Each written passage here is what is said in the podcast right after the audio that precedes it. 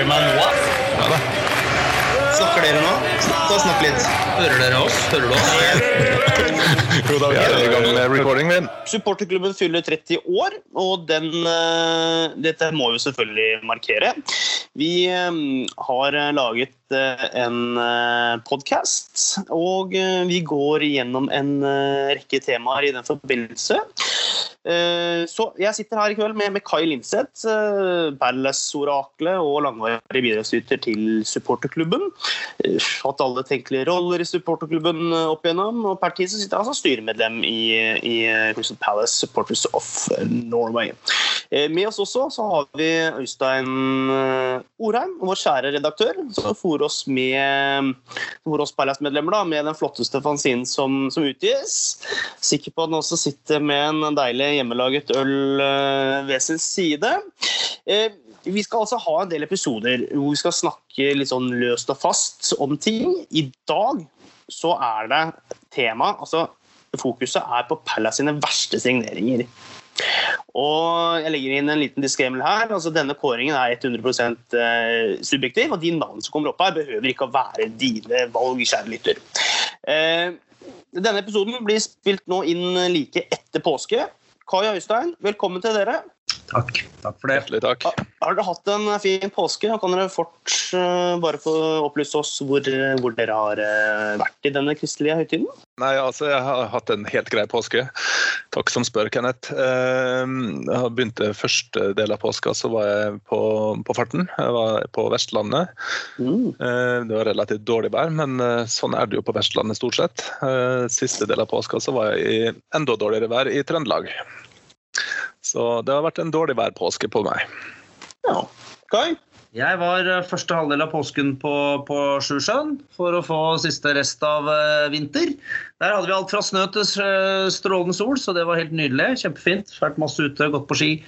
Eh, fått sett noen andre vegger, det var veldig deilig. Jeg har vært hjemme nå ganske lenge. Eh, andre halvdel så var jeg i Sandefjord hos eh, svigerforeldrene mine. Der var, det, der var det også der var det fint sol og nydelig vær. Så fint. Ja, men så bra.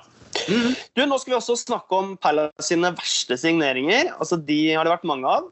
Svært mange av. Eh, Kai og Øystein, dere fikk i oppgave før denne innspillingen å trekke fram tre spillere som, som dere mener er det, altså de, deres tre verste Palace-signeringer.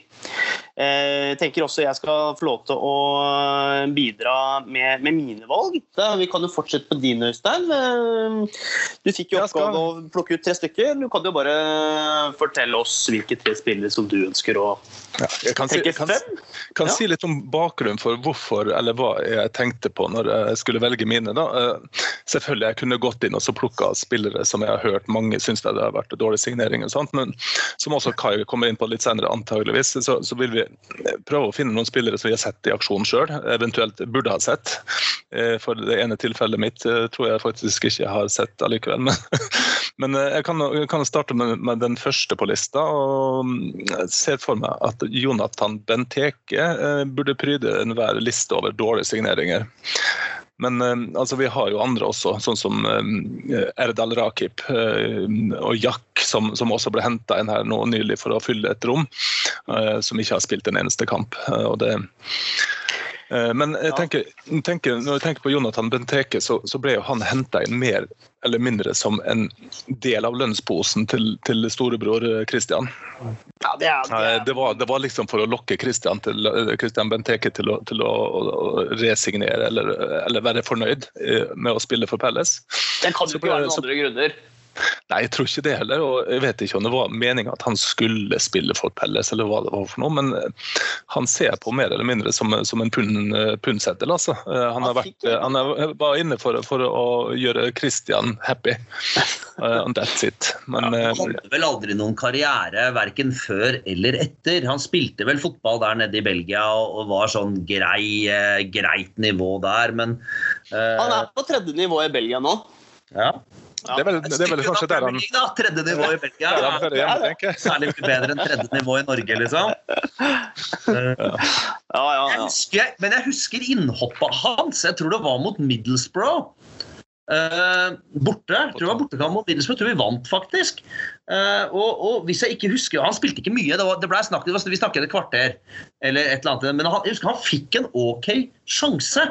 Han hadde i hvert fall en avslutning. Jonathan Benteke, så vidt jeg kan huske. Om den traff mål, det, det klarer jeg ikke å erindre. Men uh, jeg tror han fikk til et skudd i retning av mål, i hvert fall. Jeg tror ikke han, har, han, han har ikke satt noen dype spor hos meg, i hvert fall. Jeg tror det, jeg tror det skal litt til å, at han har satt dype spor hos andre også. Men det er nok en sånn type signering som viser litt av hva som er galt med fotballen. Ja. Ikke sant? At du signerer broren for at den andre broren skal være happy. Altså at du, du, er, du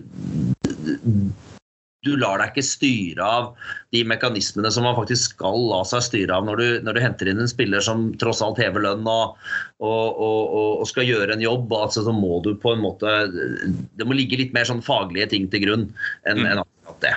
Ja. Skal jeg gå videre på, på, neste? Hvem andre er det du mener er de tre, tre verste signeringene? Ja, som, som, jeg nevnte i sted, også, så, så, har jeg valgt uh, personer som, jeg, som i de siste tiåret nå, egentlig. Uh, fordi at uh, det handler litt om tiden også.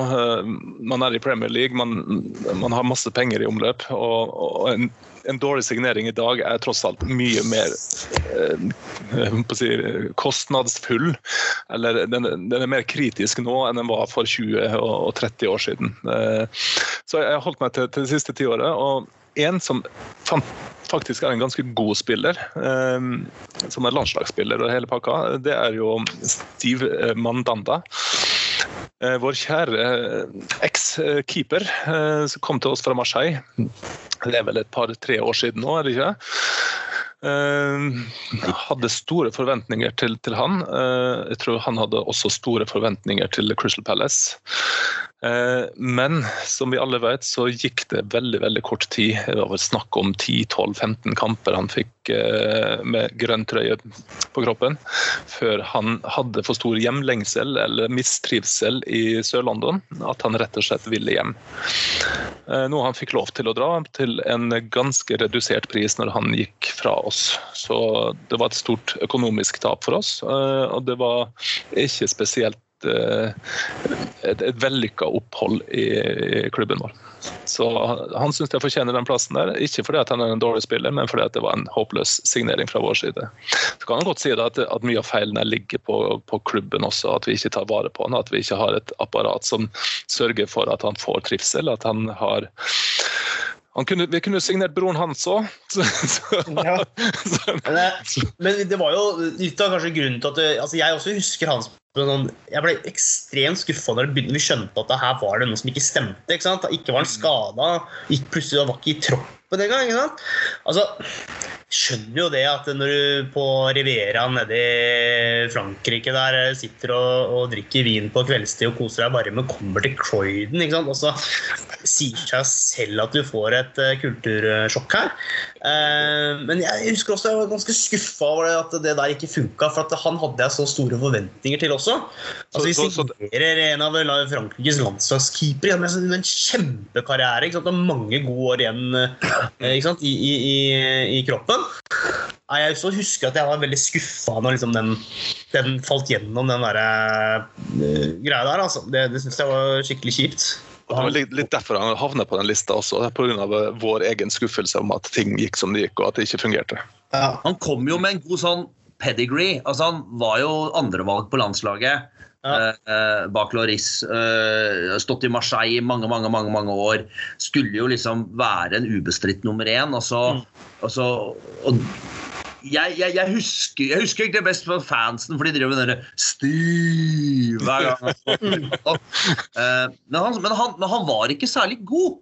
Han hadde noen veldig gode kamper og gode redninger, og alt det der, men jeg husker også han hadde noen fryktelige tabber. Eh, blant annet mot Leicester, tror jeg det var. en eller annen kamp. Han slapp inn en sånn lompe fra 30 meter. Og, og, det, og, det, var et eller annet med at han du, du så at han hadde ikke selvtillit. Mm. Hadde ingen sånn selvtillit, og du, du, følte deg på en måte ikke trygg. Uh, og når du blir utkonkurrert også av uh, en annen keeper, som vi skal komme tilbake på litt etterpå, så, så det er jo ikke akkurat det noe, noe, stort kvalitetstegn. Men han har jo gått tilbake til Marseille, han står jo enda, til hva jeg skjønner. han har fått solide kamper. Solide kamper for Marseille i etterkant òg. Og han har jo, så vidt jeg vet, fortsatt eh, på landslaget. Ja, Han er fortsatt på landslaget, det vet du. Ja, nå er han fortsatt nummer én i Marseille. Han må jo være 35 nå. Så jeg tror det her handler om en kulturkrasj, og at, at han rett og slett ikke var forberedt på hva som venta når han kom til England. Og så vet du aldri hva som skjer i, i hjemmet. Altså, du, du, tar med deg kone og barn, du, du, skal, du snakker kanskje ikke engelsk. Eh, hvis de ikke trives, så trives ikke han. Du vet aldri hvordan kona har hatt det, hvordan barna har hatt det, hvordan de takler været. ikke sant? Altså, det, er, det, er, mange sånne faktorer som, som, kan spille inn, og for han så funka det ikke. Han har uh, tre yngre brødre, alle er keepere. Fun fact, Raffi, eller Riffi, hvor er det han spiller? Marseille-lag? Er han broren til Skulle hente han til Pelles òg, vet du? Så... Nei, jeg, jeg, jeg, at han spiller i Kongsvinger. Og det er heftig. Gjør han det?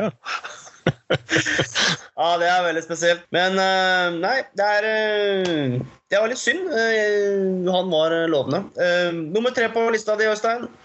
Ja, kanskje en som er enda mer lovende, eh, og som fortsatt kanskje går i den kategorien, selv om det, det begynner å bli eh, ja, åtte år siden han eh, signerte for Palace. da.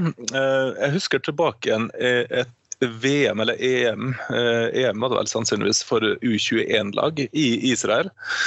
Eh, Norge stiller et veldig sterkt og bra lag. Eh, slår vel også England med Saha i en kvartfinale eller semifinale, jeg husker ikke helt. Eh, men de som stikker av med hele pokalen, det er jo Spania. Mm. Og Spania har en kaptein på sitt lag som heter José Campana, eller på spansk Campania. Antageligvis så heter den kampanja, selv om alle vi sier kampana eller kampana, eller hva vi skal si. Kampana? Kampana, nei, kampanja, tror jeg vi si. Men uh, uansett, han uh, kom til, uh, til Pelles. veldig spennende signering, syns jeg personlig. ung gutt. en, en midtbaneelegant med godt overblikk, god pasningsfot. Som kunne være den personen som kunne gå inn og å fylle en, en, en solid han var vel kanskje mest offensivt retta, hvis jeg ikke tar helt feil. Skulle han, jo liksom være. han skulle være kreativ motoren på midten der. Mm. Eh, jeg husker første kampen jeg så han spille for Pelles. Eh, da satt jeg nesten og fulgte med på han hele kampen, for jeg var, jeg var så begeistra for, for, spillertypen og den type signering som vi faktisk gjør. En spennende ung gutt fra det store utland. Eh, og får rett og slett hakeslepp. Han var en vandrende katastrofe. Han gikk rundt og følte seg utilpass, antageligvis. Eh, gjorde nesten ikke en riktig ting i hele den kampen. Slo feilpasninger, men det verste var jo tempoet. Tempoet var helt fraværende. Mm. Eh, så han skuffa meg voldsomt, og han skuffa vel sannsynligvis også eh, sin manager og sitt trenerapparat. For han, det gikk vel ikke lang tid før han havna utenfor førsteelveren, og etter hvert så kom han vel lenger og lenger bak i, på benken også, i forhold til å komme innpå. Og Det endte vel opp med at han gikk vel på lån først, og så etterpå ble solgt til Sampdoria. Mm i Italia, hvor han faktisk eh, fikk sving på karrieren sin igjen. Eh, mm. Så ble han vel etter også noe låneopphold i Spania, så signerte han vel i er det for ditt eh, spanske lag, tror jeg, Kai? Espanol? Nei, Levante, var det ikke det? Var det Levante? Ja, mulig det. Lottes og et eller annet. Han har vært hos sånne, sånne nedre halvdel av uh, La Liga nå i en del år. Han var vel mm. nede i serie B, nei, i andre ligaen der også, men han har vært solid der i Levante, vel, i hvert fall. Mm. Ja, jeg tror han har ganske, ganske, mye kamper der. Altså. Jeg googla han uh, her uh, og trykka på bilder. Altså, han er jo kjekk fyr, liksom, men ganske tøff, uh, tøff fyr. Og han var jo unggutt når han var hos oss, men jeg ser bildet nå. Han er, ser skikkelig ut som en terrier. Har ikke han vært inne på det spanske landslaget nå i det siste? Ja, jeg, tror han, jeg tror han har virkelig fått uh, opp koken. Altså. Han har det, og han har liksom kjempa seg tilbake. Jeg, jeg har, det er morsomt det Øystein sier, for at uh, jeg satt og tenkte akkurat de samme tingene.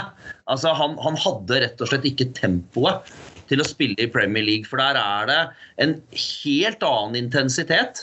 Og et helt annet press på ballførere og sånn enn hva det er nedover i, i, på kontinentet, hvor det er mye mer possession-orientert, og du kan stå og trille ball, og, mm. og, du kan forberede deg litt mer. Og han, han falt totalt igjennom.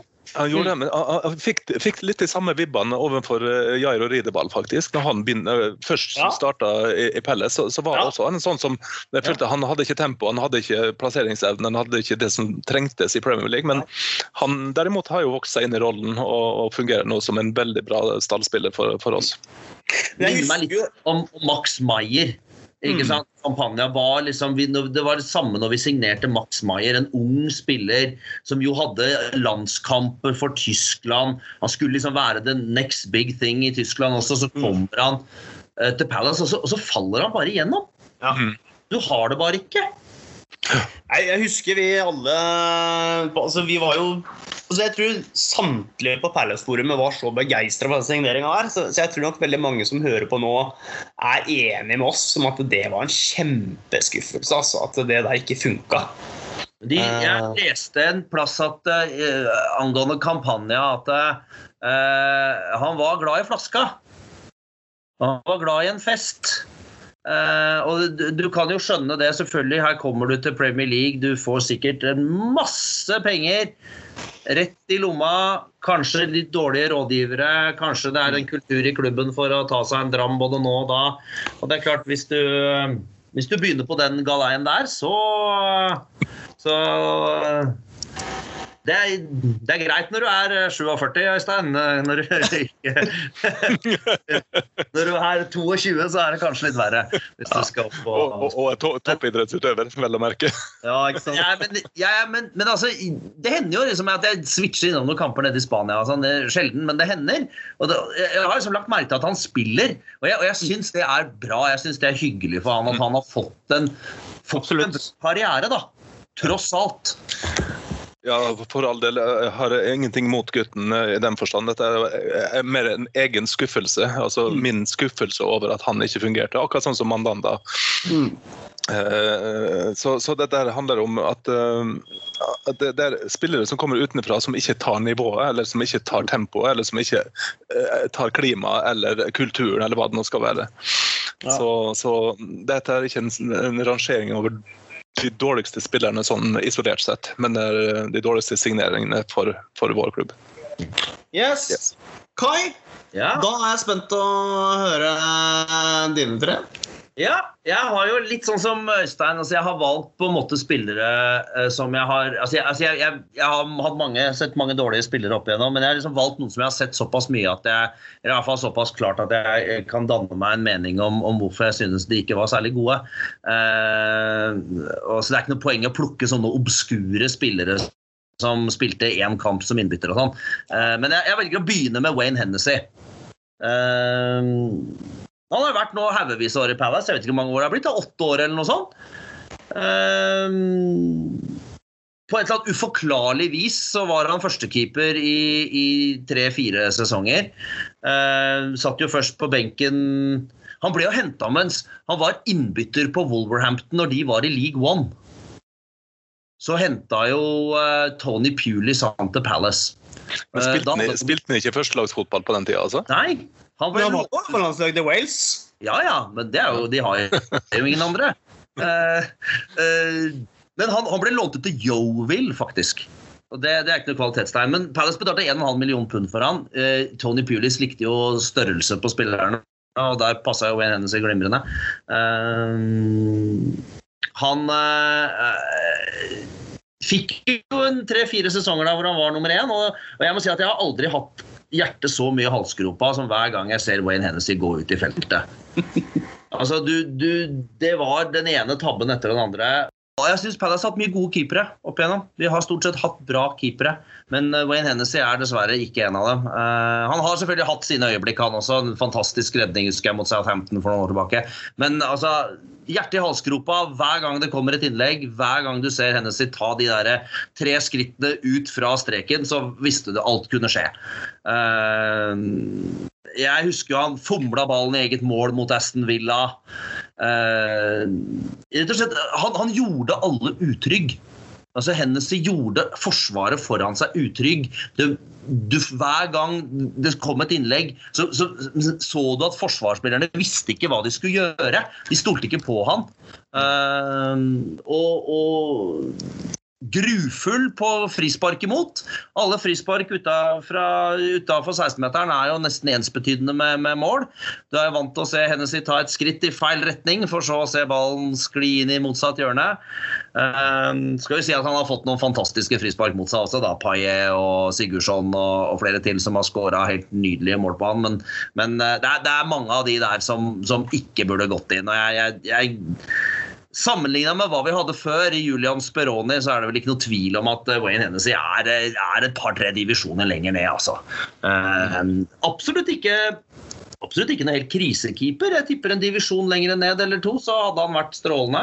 Har jo rekord for Wales, han har jo rekord for Palace i antall landskamper. Det er jo ingen Palace-spillere ellers som har flere landskamper enn en Wayne Hennessy. Så, men det sier vel litt om keeperkvaliteten i Wales, kanskje. Nåværende Palace-spillere, da? Ja, alle totalt. Okay. Det er ingen, ingen andre Palace-spillere noensinne som har spilt så mange landskamper som, som Wayne Hennessy. Uh, Men er det ikke litt rart at man er så høy at man, man er, altså, har så dårlig spenst også? Han har jo ikke noe rekkevidde i feltet heller. Nei. Han har ikke det, og det er jo det som er så merkelig. For han, han, han er jo to meter høy. Han skulle gått ut og bare dominert det feltet, han. Men han og, og, Jeg vet ikke om du husker var det saksesparket til Giroud, ikke sant? som er en fantastisk skåring. Hopper jo Hennessy bakover, og du ser han hopper jo nedover.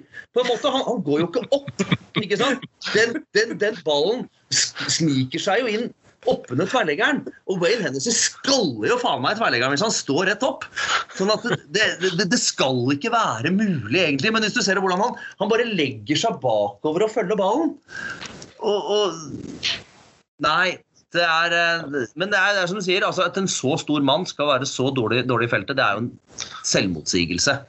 Du, du sier at, at, at, eh, Wayne Hennessy hadde en del eh, skikkelige tabber og sånt. Ja, det hadde han.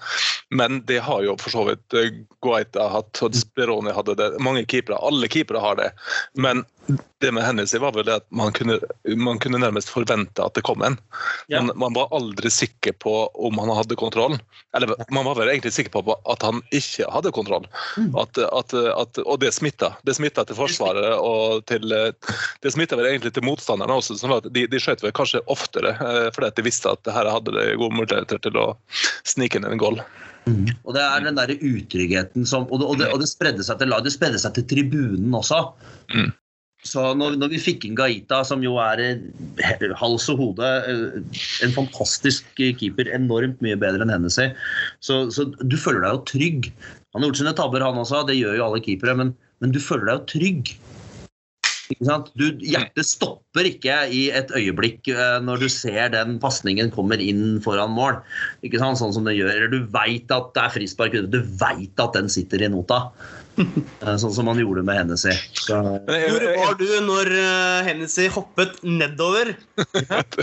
når Giroud skåret alle, alle, alle, som hører på det her, gå, gå tilbake. Se det saksesparket til Giroud i sakte film, og så ser du hvordan på en måte Hennessy ikke hopper oppover. Altså Beina hans forlater bakken, men han hopper ikke oppover. Innmari godt gjort, altså. Fantastisk. Så uh, sjekk den. Uh, den er selvfølgelig Da går vi videre, Kai. Jeg skal bare raskt uh, ta oss og nevne en liten fun fact her. Vi kan jo ikke unngå å snakke om den nazihendelsen. Ja. ja. Eh, jeg kan jo eh, ta så uh, det som, Bare kort forklare her. Altså det som skjedde, var at Wayne Hennessy da blir fotografert på sånn lagbilde. Jeg tror de er på en restaurant. Og da sitter han altså med, med hånda ut i sånn nazihilsen.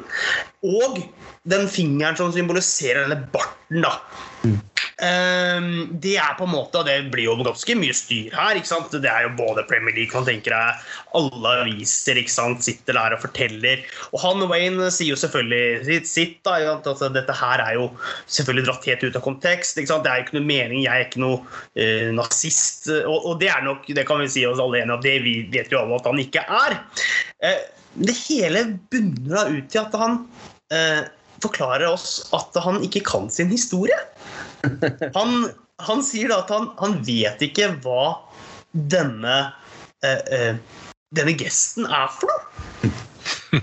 Og da, eh, da måtte jeg jo google litt, og, og da kan jeg opplyse publikum at eh, altså Wayne Hennessy han gikk eh, på en skole som heter Yscol David Hughes. Han.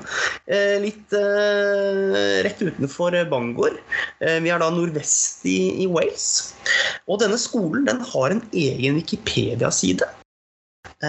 Og der har de også en sånn wiki-fane som heter Notable Former Students. Og der står Wayne Hennessy. Og hvordan tør man at han står der? Når du ikke kan din historie som det. Som, som historielærer så må jeg jo si at, eh, jeg må si at den som har hatt ansvaret for den opplæringen hos, eh, hos Hennessy, har vel ikke gjort en veldig god jobb. Men nå vil jeg vel kanskje ikke anta at Wayne Hennessy fulgte så veldig mye med på skolen heller. Nei, han gjorde kanskje. Eh, Han skulle spille fotball. da. Han skulle spille fotball. Sånn er det. Eh, Wayne Hennessy. eh, er det siste kanskje vi ser til han? Han, han, han, er jo for, Nå. han er jo fortsatt i troppen. Men Hennessy, jeg tipper at han, han er vel 34 eller noe sånt nå. Jeg tipper han kommer til å gå ned i championship. Eh, Spiller sikkert et par sesonger for noe sånn Cardiff eller et eller annet Bristol City eller et eller annet. Swansea er kanskje på vei opp, så kanskje de signerer han. Sånt nå. Ja. Ja. Han har nok et år eller to igjen. Mm. Yes! Ja. Skal vi ta også, det var Hennessy som var eh, en av de tre. Er det Yes. noen flere? Den andre er Ada Kinbayi. Eh, En forferdelig fotballspiller på alle mulige nivåer for Palace. Eh, Ble henta inn av Trevor Francis i 2001-2002-sesongen. For 2,2 millioner pund eller noe sånt. 2,2-2,4. Masse, masse, masse penger den gangen. Eh, Og, og det som kanskje er det verste med Bayi, var at han var jo Leicester sin rekordsignering før. Det hadde kosta over 5 millioner pund. Skåra egentlig masse mål, var en bra spiller, i hvert fall på sånn championship-nivå. Eh, Men han ble altså kjøpt til Palace på et tidspunkt hvor vi overhodet ikke trengte han. Fordi det var jo Clinton Morrison og Dougie Friedman som var spissparet den gangen. De skåra mål i bøtter og spann. Jeg tror Dougie skåra 20 mål den sesongen. Og, og, og de var gode. Palace var jo sånn midt på tabellen. Men vi trengte ikke Akinbayi i det hele tatt. Ja, jeg tror han tok over etter Trevor Benjamin, som vi, som vi nevnte i stad. Altså, han var på lån først, og så henta Francis inn, inn Akinbayi for masse masse penger. Og, og, han ble plassert rett på benken. Han fikk jo knapt spille. Eh, og Palace på den tida kunne ikke bruke to millioner pund på en innbytter. Eh, så ble han skada. Sesongen etter var ute nesten hele sesongen. Kommer tilbake litt sånn midtveis ut i sesongen. Sitter på benken. Eh, jeg, jeg husker altså, siste, de siste kampene han må spille. og eh, Han kom inn som innbytter i en kamp mot Wolverhampton. Vi vi, vi tapte masse 3-0, 4-0. Eh, og, og, og han kom inn som innbytter, og, og han var liksom helt hjelpeløs. Mm. Ikke sant? Altså, her er det snakk om en, en spiller som altså, har blitt solgt for masse masse, masse penger, som har skåra mye mål, og så ser du helt hjelpeløs ut. Han var tung, han var treig. Og så, ikke minst, han fikk jo ikke ha nummer ti på ryggen. For den hadde jo, øh, den hadde jo Clinton Morrison. Så han bytta til fem pluss fem. Han kunne matematikk da, iallfall. Ja, han kunne det. Tjent mye penger, vet du, så matte kan han. Men han hadde Det var jo masse- så som han hadde nummer 55 på ryggen. Og når du zooma inn, så var det et lite plusstall. Så han var tydeligvis eh, over, overtroisk. Ja, og, og, altså, når du er så cocky og velger det som nummer, da bør du levere. Ja, Da bør du levere mye bedre enn Ada Kinbaye gjorde. Altså, dårlig spiller, trist og Men han holdt ut i mange år etterpå. Hadde en ålreit karriere, han i championship. Det var jo masse tull her også, for det var jo penger. Det var jo masse penger? Vi ville jo ha han vekk, men han hadde den lukrative kontrakten. Ja. Så han ville jo ikke gå. Uh, og Simon Jordan var det vel som på den tida der, og han var ikke villig til å betale ut de penga heller. sant? Han gikk jo gratis til Stoke. Fikk vel litt fart på karrieren sin, tror jeg. Litt sånn øh, etter hvert. Og han fikk et kallenavn også i etterkant. Akin Badby. Ja. Mm. Det var for så vidt fortjent. Altså, altså det her er jo litt sånn der, På en måte så er- illustrerer det liksom fotballens feil også. At du bruker masse penger på en spiller du ikke trenger. Nei. Når du har, men Simon Jordan i sine første år var jo veldig uforsiktig, og det, det fikk vi jo svi for også seinere. På Twitter-kontoen sin så skriver uh, Akin Mye altså Han er ex-pro football player, now football consultant coach. Mm. Love my family, my church and my football project work in, in uh, Africa. Du var lykke til videre i, i livet, Ade. Du var dessverre en dårlig signering for oss. Uh, siste ut på lista di. Ja, Det er jo rosinen i pølsa, da. Thomas Brolin. Når du sa, sa pølse, så, så, tenkte jeg på Brolin med en gang. ja, men altså Thomas Brolin er kanskje den dårligste fotballspilleren jeg har sett spille for Crystal Palace. Uh, jeg husker jo at han, han, kom jo da i januar i, i 98. Akkurat i den, uh, i, i, i den, katastrofale sesongen der. Og det var jo helt latterlig. Altså Alt rundt denne Brolin-signeringen er jo egentlig latterlig. Men han hadde jo da vært i Leeds. Uh, og, hadde et mislykka opphold i Leeds. Uh, blir jo da henta inn til Palace uten at han har spilt fotball egentlig på jeg vet ikke, i hvert fall et halvt år.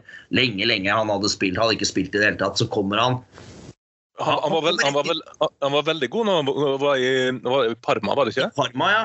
Og, og, og, det er noe av det tristeste med Brolin. Det er det at uh, altså Den første kampen han spiller for Palace, den tror jeg er mot Barnsley. Og han, han spiller faktisk ganske bra, og han treffer tverrleggeren. Kanskje historien kunne vært litt annerledes hvis han hadde skåra. Uh, og den andre eller tredje kampen han spilte, det var mot Leeds. Og da var jeg der. Da satt jeg på tribunen på Sellers den bitende kald januardag. Og Brolin han blir jo da skada tidlig i kampen for en hodeskade. Drar på seg en turban og, og løper rundt som en gærning ute på den banen. Uh, Leeds vinner ganske komfortabelt 2-0, tror jeg. Uh, og Brolin løper mest rundt som en sånn hodeløs kylling og har, en fantastisk innsats. Uh, men han kan jo på en måte ikke redde, og så blir jo bare den sesongen verre og verre. Men den siste kampen Thomas Brolin spilte i sin karriere, det var for Palace mot Manchester United. Jeg tror det var nest siste sesongkamp i sesongen. Og Jeg husker jeg satt og så på den kampen, og, og Palace tapte 3-0. Vi rykka ned så det ljoma. Det var helt og, og, og, Thomas Brolin er faktisk den dårligste fotballspilleren jeg har sett noen gang på, på sånt nivå. Altså, jeg, jeg tror hvem som helst annen kunne gått ut på og gjort det han gjorde der ute. For det, det var helt, helt håpløst. Han, det, var, det, var, ikke noe tempo, han løp ikke, han traff ikke med en eneste pasning. Alt var, var bare fraløpt. Alt, det, var helt, det var helt grufullt å se på. Eh, lag i total oppløsning. Men det som, som slo meg da jeg satt og så på den kampen, og det har jeg tenkt på etterkant også, det er det du nevner, Øystein, at han, i Parma Altså I VM 1994 så er Thomas Brolin topp ti i verden, altså. Mm -hmm. Ja, det. Så god var Thomas Brolin. Sverige ble nummer tre i VM. Ja. Det frisparket mot Romania uh, altså Han var fantastisk god, og fire år seinere så er han den dårligste spilleren på Crystal Palace. Men kanskje, kanskje rett og slett Thomas Brolin er en, en sånn person som trenger en, en, makker, rett og slett. Eh, sånn som han hadde i Sverige med Det var vel han Ikke Brolin, Dalin. Ja, og Kenneth Andersson. Mm. Ja, de hadde, de, hadde, de hadde, satt sammen eh, spillere som, som komplementerte hverandre, og som, som, gjorde hverandre gode. Og det tror jeg ikke han hadde når han var i Pelles. Litt av hans forsvar, men, eh, men jeg er ganske enig med deg, eh, Kai. Det var så, mye så rart. Han, og så var han nok ikke typen som passa i engelsk fotball. Han var jo en liten tekniker. Eh, fantastisk i Italia. Med den fotballen de spiller i Italia, passa nok han som hånd i hanske. Parma var et bra lag. De var jo topp tre-fire i Italia den gangen. Og Så kommer han da til Leeds, møter en helt annen kultur, helt annen fysikk. Eh, havner vel mye på fylla. Eh, Howard Wilkinson var jo manager den gangen i Leeds. Uh, fikk vel ikke den Brolina han hadde sett på TV, da.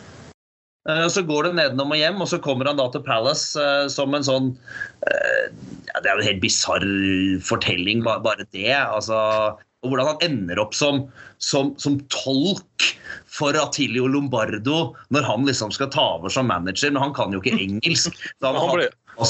Han ble jo faktisk assistentmanager under ja, ja. Lombardo. Så, så det. Han ble jo det. Og han fungerte nok mer som tolk enn som assistent. Men, altså, det, men ingen, ingen, visste jo hva de gjorde. Og Det er denne, det er denne berømte denne Babelstårn-forsiden fra, fra Ørneblikket. Den, den, går jo på akkurat det her. Og her. Um, og, og, og, men altså, Thomas Brolin la jo opp etterpå.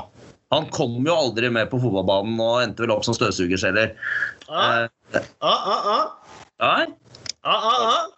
Han fikk, hold dere fast, 15 minutter for Hudiksvall, altså der han vokste opp, Ja. mot Kiruna fotballforening, som keeper. Å ja. Det var siste kamp, sier Internett.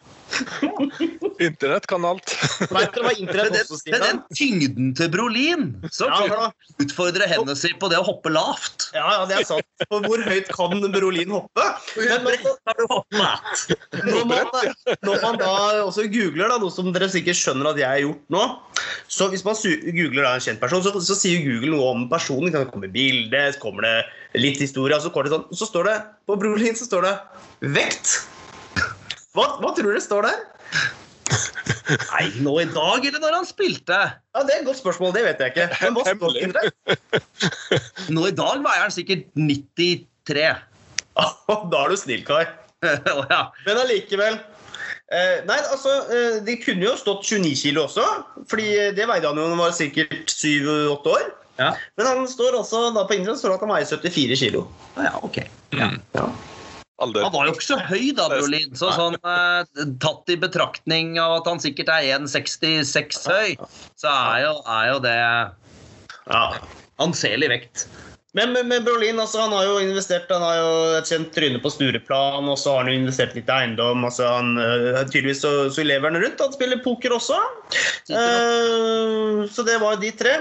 Um, ja, mine, mine topp tre verste signeringer um, Jeg måtte tenke litt, og jeg var litt sånn eh, usikker på, på hvilke tre jeg skulle velge, faktisk. Og som, som dere også uh, har nevnt, Kai og Øystein, at uh, ja, jeg må i hvert fall velge noen som på en måte har noen øh, har noe øh, Hva skal vi si Som jeg har noe forhold til. da Og mine tre det er for, fra spillere som er av nyere dato, de også. Um, og jeg starter da med Jimmy Kebe.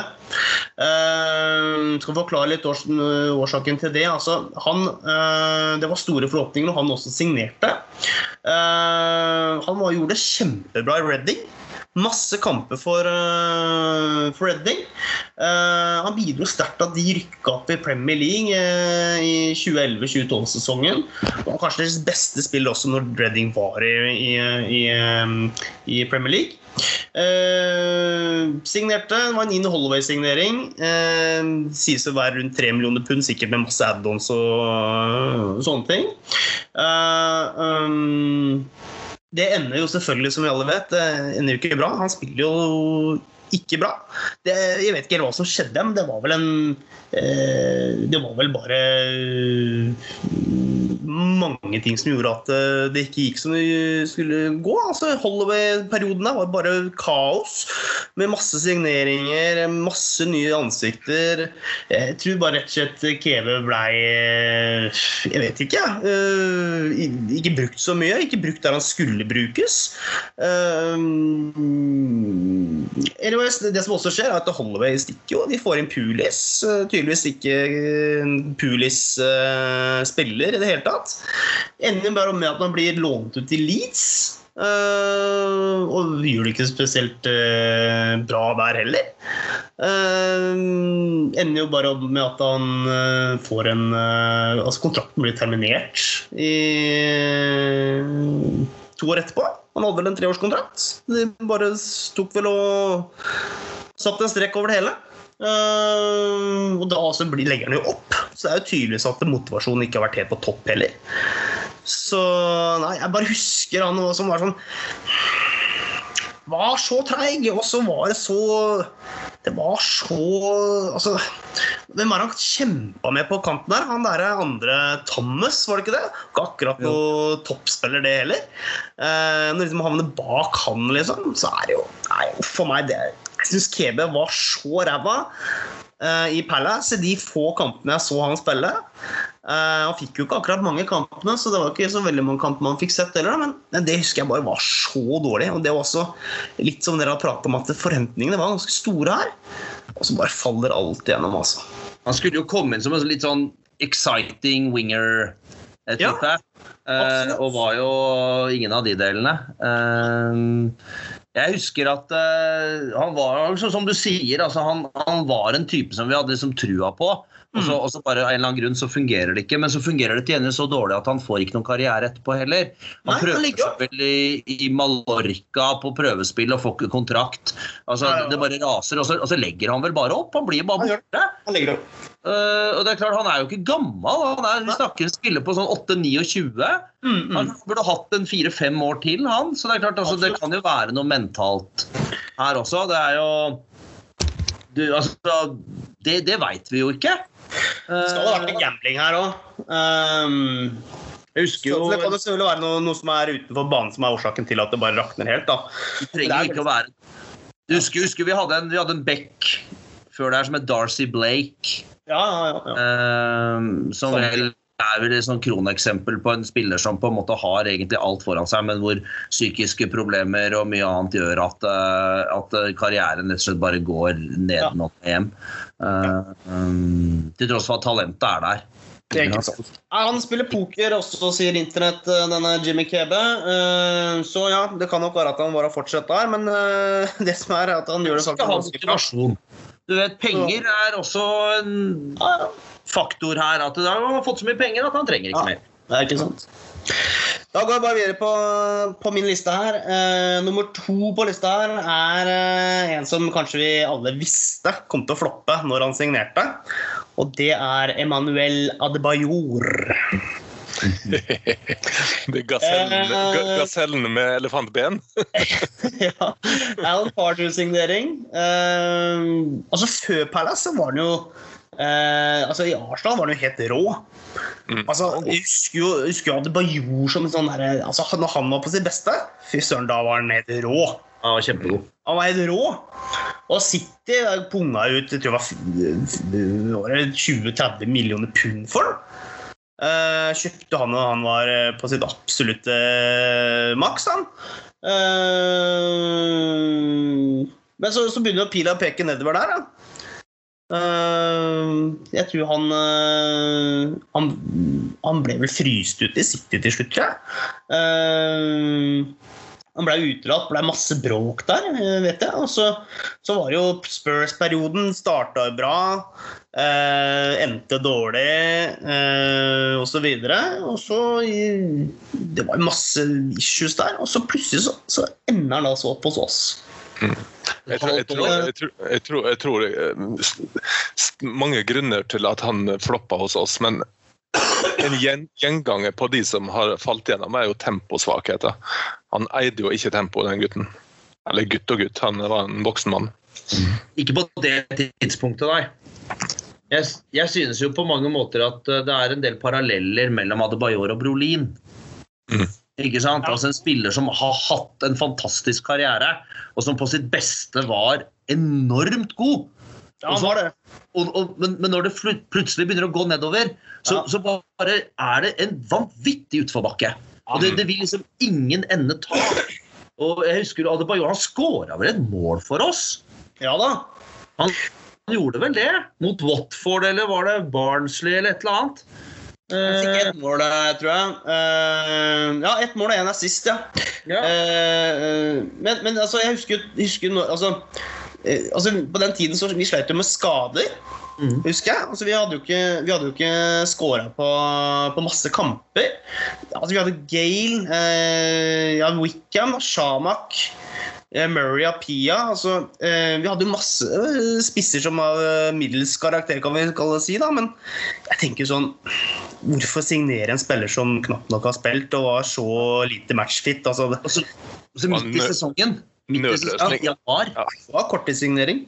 Det, var- det, var, det var en, rett og slett en nød, nødløsning som uh, man, av og til, man trenger av og til en sånn, sånn type nødløsning, men jeg tror ikke han var riktig, Nei, riktig person. Nei. Det var, Men nei, det altså, var jeg får jo litt vibber her av en annen mann som, vi også, som har en litt tilsvarende eh, historie. Som vi også signerte. Altså, vi har jo noen av disse som har vært fantastiske, og som endte sine dager i Palace som helt elendige. og Da, da må jeg jo få lov å nevne Edgar Davids. Mm. Eh, Jeg, var, eh, jeg satt på tribunen ja, når eh, Edgar Davids eh, ble introdusert. Når han kom inn på midt, midtstreken eh, der. altså, for en spiller! I AC Milan. Ikke Og sant? Juventus. Juventus. Altså, og på nederlandske landslaget, fantastisk fotballspiller. Mens den spilleren vi, vi så i Palace, han ble jo til og med plassert på høyre bekk. Her, her har du en av verdens beste midtbanespillere. Og så Ja, du skal spille høyre bekk. Ja. Han har et jeg Men, jeg husker jeg men, men jeg, syns egentlig ikke han skal komme på noen sånn liste over verste signeringer. For for han hadde en funksjon. Han, han, var, jo, han var jo som en pappafigur på, på mange måter. Og så, så var han, han fikk vel en kontrakt basert på antall spilte kamper. eller the play as you pay. Nei, pay Ja, as you pay. Altså, han, han signerte for oss for å Han skulle bli trener. Ja. Så han signerte for oss for å starte sin trenerkarriere hos oss. ikke sant? Så Det var vel det som var litt av poenget her. fikk masse PR, da. Det var masse, masse PR involvert.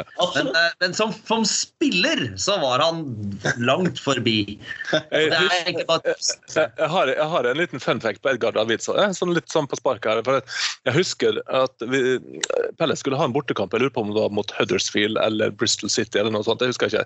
Men i alle fall så eh, han la ut på Twitter en, et bilde av seg selv på togstasjonen eh, med en billett i hånda. Og Han syntes det var så festlig at de skulle ta tog til bortekamp, og han måtte betale billetten selv. Med et smil om munnen, selvfølgelig. Det var ikke noe negativt. sånn sett. Han hadde penger nok til å, til å kjøpe billett. det var ikke det, men.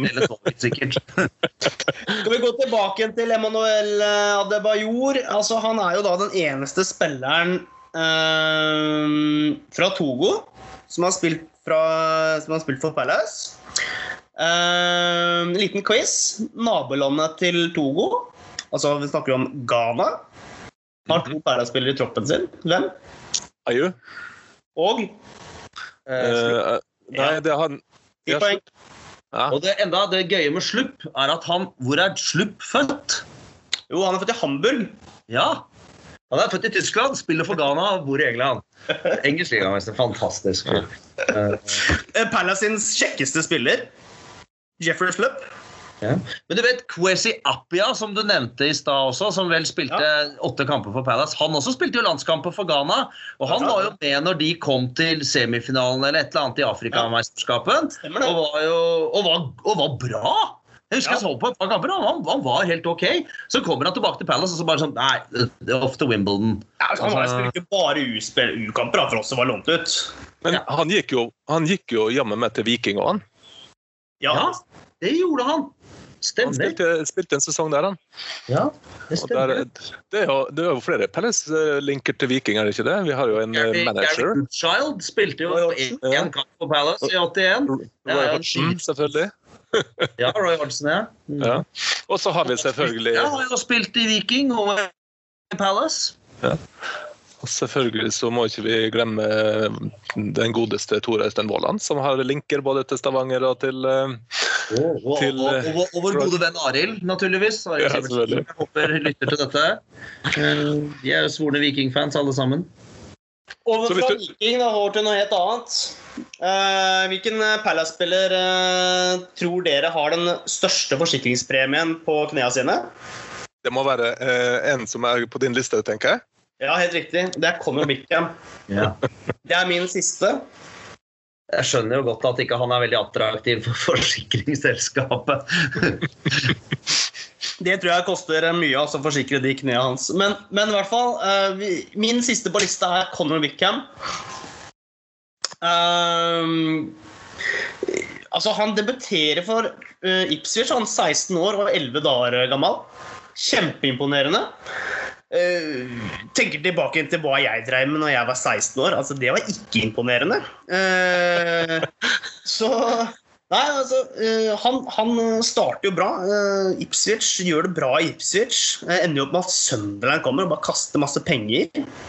Uh, hadde ikke noen kjempekarriere i Sunderland, egentlig. Han var jo liksom den evige next big thing som vi også nevnte på noen andre her. Altså, han, han hadde jo noen ukamper for England, han spådde en lysende karriere, men det, liksom, det, liksom, det, det, det blir liksom ikke noe av. Noe av. Eh, han har jo i, det vil det sies, altså, I Sunderland og i Ipswich så har han en del skader. Han er en skadeplaget uh, spiller. Men det stopper jo ikke oss, da, som da i, i, i 2015 eh, putter 8 millioner pund da, på bordet. Og det sies jo kan fort være mye mer her. Eh, og kjøper da en 22 år gammel spiss Eh, masse penger. 8 millioner pund. Uh, han er nå 28 år gammel. Han har spilt uh, starta 26 kamper han, eh, for oss. Han har 24 innhopp. Han står med 12 mål. Men det skal også sies det skal, det, det skal sies også at, at de kampene han har spilt, så har han faktisk gjort det ganske bra når han har spilt. Hør, da. Eh, Hvis, hvis, altså hvis det, summen da er 8 millioner pund er, er, er korrekt altså Hvis vi er snille, da, så sier vi pundet er 10, da, hvis vi bare gjør sånn. Uh, så, så skal den også koste oss Nå snakker vi uten lønn. Men 1,6 millioner kroner per kamp har han kosta oss. Ja, det er dyrt. Uh, og, og, og jeg stopper ikke der. Altså, hvis vi tar også deler det, eh, den, den fien der da, på antall eh, mål, så er det 4,1 millioner kroner per, per mål han kosta oss. Jeg skal love deg at det ikke om lønna hans på ca. 55 000-60 000 i uka heller. Men du kan tenke deg at ett av de måla det var i semifinalen mot Watford i FA-cupen. yes. Og Der uh, har Conor Wickham betalt ned alt. Det er godt mulig. Uh, Men da likevel. men uh, det er dyrt. Men det er klart, hvis, hvis det stemmer som du sier at han har 50 kamper og 12 mål, så er det ganske bra. Uh, Compared to dagens fotball. For å si det sånn, Christian Benteke er ikke i nærheten. Nei. Uh, Toppskårer i dag skårer jo ikke 20-25 mål lenger uh, vanligvis, bortsett fra for de aller beste som bøtter inn. Men De fleste måla kom i første sesongen hans. ikke sant? Det er der han fikk flest kamper òg. Mm. Hvis, hvis, hvis man ser liksom eh, Hvis man ser, ser eh, karrieren hans, da, så er det triste greier. Og det er selvfølgelig skader, skader, skader. skader. Men det stopper ikke det. da. I 2019 så får du ny, ny kontrakt òg. Ja, han, Det er helt sjukt. Det er tydeligvis at man har trua på de der Istepor-knærne hans. da. han, han skåra jo mot Norwich uh, for januar i fjor. Viktig goal. Uh, utligning helt på slutten der. Var vel lånt ut til Sheffield Wednesday i fjor, gjorde det vel greit. Uh, men det er klart, det er jo også Scania. Altså, jeg jeg syns veldig synd på Conor Wickham. Og jeg blir nesten overrasket over klypa. Han, han er 27 eller noe sånt. Du tror jo fyren skal være 38. Du har alltid, alltid hørt om han. Uh, men det, det er jo, han er jo laga av glass. Ja, det er han. Eh, Det, det, er, eh, det, er, det er veldig synd, for han, han var bra. Altså, tenk, altså, han header inn goal mot Watford i semifinalen i FA-cupen. Han er aleine igjennom i finalen når han der fordømte Clattenberg bråblåser frispark. Ja, det stemmer. Ikke sant? Altså, han, altså, han har hatt på en måte alle marginene er imot her. Altså, det, det er klart, altså, historien kunne vært helt annerledes. Uh, med så små marginer. Uh, Ja. Men nå driver vi Wickham. Vi driver en butikk her òg, da. Vi må tenke litt butikk. Og Vi kan ha sympati. Vi kan ikke kjøre en Ryan Innis her og, og, og, og, og bare Ikke den prisen. Så det er klart, det, Nå har vel Wickham tror jeg, fått beskjed om at det ikke blir noen ny kontrakt. Ja, kontrakten hans går ut i sommer, så det er nok det siste vi ser av han, det får vi si. Og, og jeg vil tro at vi, når vi snakker om eh, Conor Wickham om fem år, så tror jeg han eh, fortsatt ikke kommer til å stå høyt i kurs hos meg, i hvert fall. Eh, Jeg mener at han er en av de verste signeringene vi har hatt, på bakgrunn av hva som har skjedd. Og det er veldig trist, da, som du sier, Kai. Det er mest trist. Ja, det er det er mest det. trist, selvfølgelig. Jeg, jeg jeg, han, han, han er en, virker som en fin fyr, og han spiller jo egentlig ganske bra når han er frisk og, og i kampform. Så Det, det jeg syns er litt gøy med, med Conor Wickham, er at han og faren hans de er, veld, de er veldig glad i, i bil. De er veldig glad i å skru bil. Så han hender det kjører en Morris Mini til treningsfeltet. Fyren er jo lang. Han er jo en ikke rart han får vondt i knærne, skal jeg si. Så, ja, nei. Og det er at liksom der folk kommer inn i svære Porscher og svære doninger og Land Rover og sånn, så kommer altså da Conor Wickham Han har sikkert sine Porscher, han også, men uh, han kommer da iblant i en Morris Mini. Og det er Gabor Kirali også, eh, ungarske keeperen med joggebukse. Han også kjørte mini. vet du. Han er ganske svær. ja, ja. Han også kjørte mini, og det var også litt gøy når liksom han der fyren der Du liksom så hele bilen liksom løfta seg når han gikk ut. ikke sant? Det var også litt kult. OK. Da tenker jeg vi, vi avslutter denne podkasten. Da har vi fått snakket litt om de verste signeringene og mer til enn det. Eh, jeg håper alle dere som eh, sitter fortsatt og hører på, at dere syns dette var en eh, morsomt innslag. Det vil komme flere innslag utover, så, så vil jeg at dere følger med på nettsidene våre. Dere følger med på Facebook, dere følger med på ikke minst Facebook, nei, unnskyld, Messenger-tråden. Kom gjerne med forslag til ting vi kan snakke om. Absolutt. Tenker jeg. Hvis folk har innspill til ting som eh, de vil at vi skal uh, diskutere her, så gjør gjerne det. Og vi er, vi er glad for det. Ja, så er det viktig å poengtere også at vi, vi tar ikke den podkasten med de verste signeringen for å være eh, negative til verken Pelles eller til noen spillere. eller noen sånne ting. Dette er rett og slett bare for å dra i gang nå. Noe som er enkelt å prate om, og noe som engasjerer oss, og som er, som er faktisk litt gøy både å snakke om og lett, høre på. Det er lettbeint underholdning. Det er det. Rett og slett. ok. Vi, eh, vi, tar og runder av nå, folkens. Takk for at dere stilte opp, eh, Kai og Øystein. Dere får ha en fortsatt eh, trivelig kveld. Og så kanskje vi møtes i en senere episode. Takk skal du ha. Ha det godt. Ha det. Ha det. Hei. Ja. Yes.